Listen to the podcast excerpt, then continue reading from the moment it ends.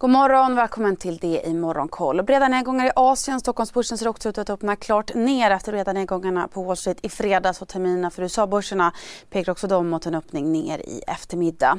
Tokyobörsen och Hongkongbörsen backar 3% vardera. Shanghai-börsen ner 1% och Shenzhen-börsen backar en halv procent samtidigt som marknaden utvärderar det amerikanska inflationsutfallet från i fredags som ju var högre än väntat och som därmed också grusade marknadens förhoppningar om att inflationen har pikat. Flera kryptovalutor valutor har fallit tillbaka under helgen. Bitcoin har fallit tillbaka till sin lägsta nivå sedan i december 2020 och handlas tillfälligt under 25 000 dollar. Samtidigt så har den japanska yenen försvagats ytterligare mot dollarn och handlas kring sin lägsta nivå på 24 år, runt 135 dollar. Japans chefskabinettssekreterare säger dock att man noga övervakar valutamarknaden och att man är redo att vidta åtgärder om det skulle krävas. Och bara dagar efter att nedstängningarna lättade återinförs nu hårda restriktioner och masstestning i både Peking och Shanghai. Även återöppnandet av skolor skjuts upp efter att nya fall av covid-19 upptäckts de senaste dagarna. Kinas nolltolerans ökar samtidigt oron för, den nya, för nya problem i leveranskedjan. Och analytiker spår att Kina kommer få svårt att nå sina tillväxtmål under året. Och det blev som sagt kraftiga fall på Wall Street efter kopiutfallet i fredags. Spelades backade 3% och CSRD. Ännu en förkortning som väcker känslor hos företagare. Men lugn, våra rådgivare här på PWC har koll på det som din verksamhet berörs av. Från hållbarhetslösningar och nya regelverk till affärsutveckling och ansvarsfulla AI-strategier. Välkommen till PWC taktfullt 3,5 procent. Samtidigt så steg de amerikanska långräntorna kraftigt. Tvåårsräntan passerade 3% spärren för första gången sedan 2008. Tioåringen har stigit ytterligare några punkter till 3,18 procent.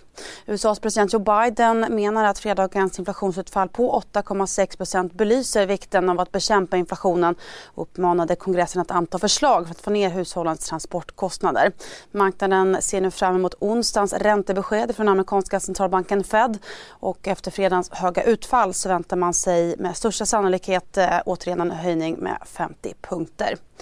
Och den sittande franske presidenten Emmanuel Macron och hans ensemble ser ut att ta hem den första valomgången i det franska parlamentsvalet när de flesta rösterna nu är räknade.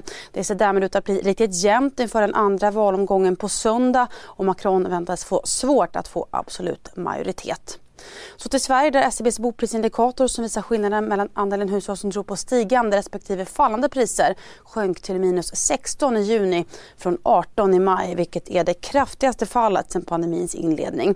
SCB skriver att det är ett tecken på att en allt dystrare ekonomisk vardag nu hinner ikapp hushållen.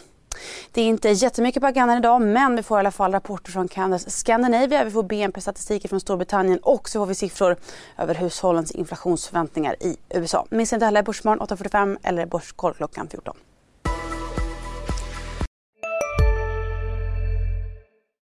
Hej, Synoptik här. Så här års är det extra viktigt att du skyddar dina ögon mot solens skadliga strålar. Därför får du just nu 50% på ett par solglasögon i din styrka när du köper glasögon hos oss på Synoptik. Boka tid och läs mer på synoptik.se. Välkommen!